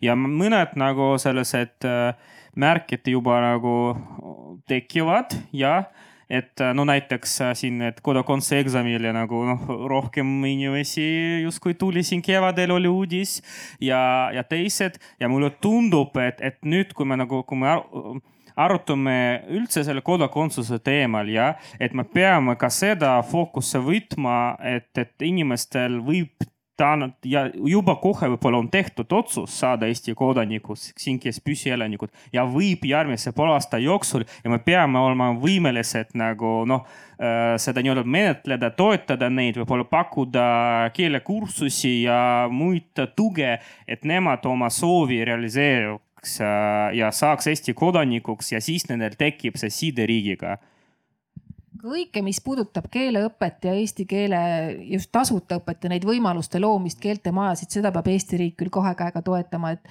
soovides ju ise ka eh, lõimumisele kaasa aidata, see on elementaarne, et inimene eh, saab ka oma põhiõigusi teostada ju ainult siis, kui ta tegelikult keelt tunneb, et, et seda me peame tugevdama ma võib-olla päris lõpuks tuleksin siis tagasi meie arutelu niisuguse tuumikteema juurde. see oli siis rändepööre, see, Eestisse tuleb palju rohkem eh, inimesi ja eh, et meil on ka eh, praegu võib-olla raske, aga lihtne, sest sissetulijad on väga tuttavlikud, enamikus ida poolt aga ei ole üldse välistatud, et see ränne hakkab ka muutuma, tekivad uued kriisid, uued tulijarühmad ja siis võib tekkida olukord, kus on raske ja keeruline samal ajal. Ja eh, see esitab meile küsimuse mitte ainult riigi ja sissetulijate kohta, vaid ka Eesti inimeste endi kohta ja ma võib-olla lõpetuseks küsiksingi nüüd äh, selliste valdkonnaga eri aegadel üsna äh, mitmes võtmes kokku puutunud äh, tippjuhtidelt. et mis te arvate, mida Eesti inimesed võiksid nagu silmas pidada, teha rohkem või vähem selleks, et olla ka tugevamad siis sellised Eh, Eesti taastootjad ja, ja rändajatega parema kontakti saajad, aga ka siis selle eestilikkuse edendajad nende hulgas. mida võiks Eesti inimestelt oodata? ma võin alustada. mõtlesin, et äkki Dmitri ah, alustab seekord esimesena. palun, sa oled saanud natuke vähem sõna, palun. Et, et mida siis Eesti inimestest oodata jah, selles kogu selle mina nagu noh, mina pole nagu, ei ootaks kellegi millegi ja nagu, et mis me nagu ootame, me pigem nagu küsimus on selles, mis on meie riigi nagu noh ees, eesmärgid jah, ja kui meil on eesmärk see, et, et meil oleks lõimunud ühiskond, tervik ühiskond ja Äh, ja meil siin, kui me isegi maailmas on konfliktid, sõjad ja muud asjad, aga siin meil nagu ikkagi teine nagu olukord ja me kõik Eesti riigi elanikud, kodanikud. Äh, ja siis nagu jah, me nagu, siis ongi küsimus, et iga, mida igaüks meist saab selleks teha, see on meie ühine kodu ja seesama vabatahtlikkuse teema, kogukonna kaasamise teema, jah. sest küsimus ongi, ma tahan, mis kodu ma tahan ja, ja kodu, kus me kõik oleme nagu koos. Ja kui niimoodi mõelda, jah, siis ongi loogiline, et, et, et mida igaüks meist teeb, mida midagi teen ja siin saalis midagi teevad. Ja kui igaüks midagi teeb, kas võtab endale siin nagu põgenik, kas, kas põgenikega siin suhtleb kord nädalas ja käib kuskil baaris või kuskil aitab teda või meil on nagu või suhtleb siin püsielanikuga või, või uussisserändajatega, osaleb seal üritustel ja et see kõik on nagu lihtsalt väiksed asjad, mida me kõik saame teha, äh, kui me, kui me, kui me kõik lepime kokku, et me ühine kodu ongi oluline ja ma arvan, et see on, vastus on lihtne, siin ei ole mingit nagu minu jaoks äh, nagu filosoofilist või poliitilist küsimust ähm,. mina ootaksin mõistmist. kui äh, see kriis algas, siis äh, kõik mõistsid ja, ja oli väga suur inimeste soov aidata. see kriis täna kestab veel väga pikka aega, see ei saa läbi ja ma arvan, et väga paljud inimesed on ka juba tundnud, et et võib-olla on mõni sõjapõgeniku äh, perest laps võtnud ära tema lasteaiakoha või koolikoha või ta ei ole saanud nii kiiresti äh, arsti juurde et me peame nendel hetkedel, kus me täna tõenäoliselt peame ise natukene kannatama ja see on arusaadav, kui viiskümmend tuhat inimest tuleb kiiresti Eesti sotsiaalmajanduslikku süsteemi. et äh, me ei saa kõike võib-olla enam nii kiiresti, et me ei unustaks ära, mis päriselt toimub ja miks need inimesed tulevad, et see sõda täna Ukrainas on meie sõda ka. ja jumal tänatud, et ta ei ole siin. et see, mida meie täna saame teha, et ma, et ma väga loodan, et, et me ei unusta seda ära miks see seal toimub ja et kui meil tekivad endal siin küsimused ja, ja viivitused, et me mõistaksime sellel hetkel seda olukorda ja ei asuks debatti selle üle, et äh, siia tulevad inimesed, miks nad tulevad ja miks me nende eest ei võitle nagu enda omade eest, et äh, täna me peame võitlema nende inimeste eest, kes on, kes siin on ja kes siia tulevad ja, ja mitte eelistama ühte teisele, sellepärast et see, mis Ukrainas toimub, on meie võitlus ka jah, siin Dmitri ja, ja, ja Piret ütlesid, ma kirjutan sellele alla, mis te rääkisite, et äh, mida inimesed saaksid, no inimesed saaksid olla need, kes nad on, et nad. Äh, Eesti inimene tegelikult ongi hea südamega, mõistev, äh, tasakaalukas ja, ja heasoovlik, et võib-olla mida, mida soovitada, et, et igas olukorras olla sõbralik. et keerulised ajad on sügisel räägitakse, eks ole, me teame, energiakriis pigem süveneb, mitte olud ei lähe kergemaks. Ja need olud ei lähe päris pikka aega kergemaks, et meie inimesed peaksid vastu, et me oleksime vastupidavad ja, ja oleksime sõbralikud, et ma toon lõpetuseks ühe näite ka integratsioonist, mis oli hästi lõbus. rahvastikuministrina ma käisin Setumaal ja seal olid Eesti prouad, Setu prouad, kes siis istusid seina ääres ja rääkisid mulle, et vaata, Riina, et tead, kui nad sealt Eestist siia tulevad elama, siia tulid Eestist jälle mõned täitsa teistmoodi, eesti keeles räägivad minuga. vaat kui me seal Eestis käisime, täiesti teistmoodi on need inimesed seal. no ikka siin meil on väga hea, eks ole, et Eestis räägitakse niimoodi, et kui ma Eestist tulin. et see on väga lõbus, et me tegelikult ju äh, olemegi sõbralikud, aga et siis me suudaksime seda seda fooni, kui läheb keerulisemaks, seda sõbralikkuse fooni ja, ja seda oma, oma südamesoojuse fooni hoida, et, et peame vastu. Dmitri saab veel viimase kommentaari. ja ma, ma natuke veel täiendan mu, minu eelmist mõtet ja, et mina samamoodi küsisin siin äh, kevadel noh enda käest, aga mina, mida mina saan teha selleks, et siin no meie ühiskond oleks sidusam. tegelikult lõimumisvaldkond ei olnud minu valdkond varasemalt jah ja minu vastus lõpuks oli see, et ma kandideerisin integratsiooni sihtasutusse, jah. ja mina kutsun ka kõiki siin saalis, et mõelge korraks, mida mina saan teha praeguses keerulises nagu olukorras et kas on vabatahtlik, ka võib-olla kaasan kogukonda kedagi või teen midagi, see võib olla väike asi, aga kui igaüks meist midagi nagu teeb lisaks sellele, mida riik siin tegelikult selles keerulises olukorras püüab korraldada, ma arvan, siis see on kaks korda rohkem äh, suurem mõju. kui te ei tea, kuhu pöörduda, siis pöörduge Dmitri juurde hüva, et eh, me näeme, et siin siis ühelt poolt on sellised omadused nagu kannatlikkus, kindlameelsus, eh, vastutulelikkus, teatud mõttes sihuke peremehetunne. teiselt poolt siis see, et eestlased oleks vähem nagu anekdoodid eestlastest, kes jooksevad kohe minema, kui teist inimest näevad. eks kõik saavad siit edasi mõelda. rändeajastu on ka Eestis see jääb meiega nähtavaks tulevikuks ja me kõik peame leidma omaenda viise sellega kohaneda. Minul on hea meel eh, aktiivse osaluse ja küsimuste üle, veel suurem heameel konstruktiivse arutelu üle. ma valisin inimesi natuke ikkagi ka selle järgi, et me ei kuuleks siin pikki tiraade, eh, mis oleks üsna tühjad, kuigi kõlavad, vaid eh, rohkem oleks nagu konstruktiivsuspotentsiaali ja mina olen ka väga rahul ja teile kõigile aitäh ja lisaks sellisele sümbolilisele rahulolule on ka natuke ainelist eh, juurde pakkuda. ma kohe võtan siit nüüd paar pakikest ja annan teile siis veel need ka.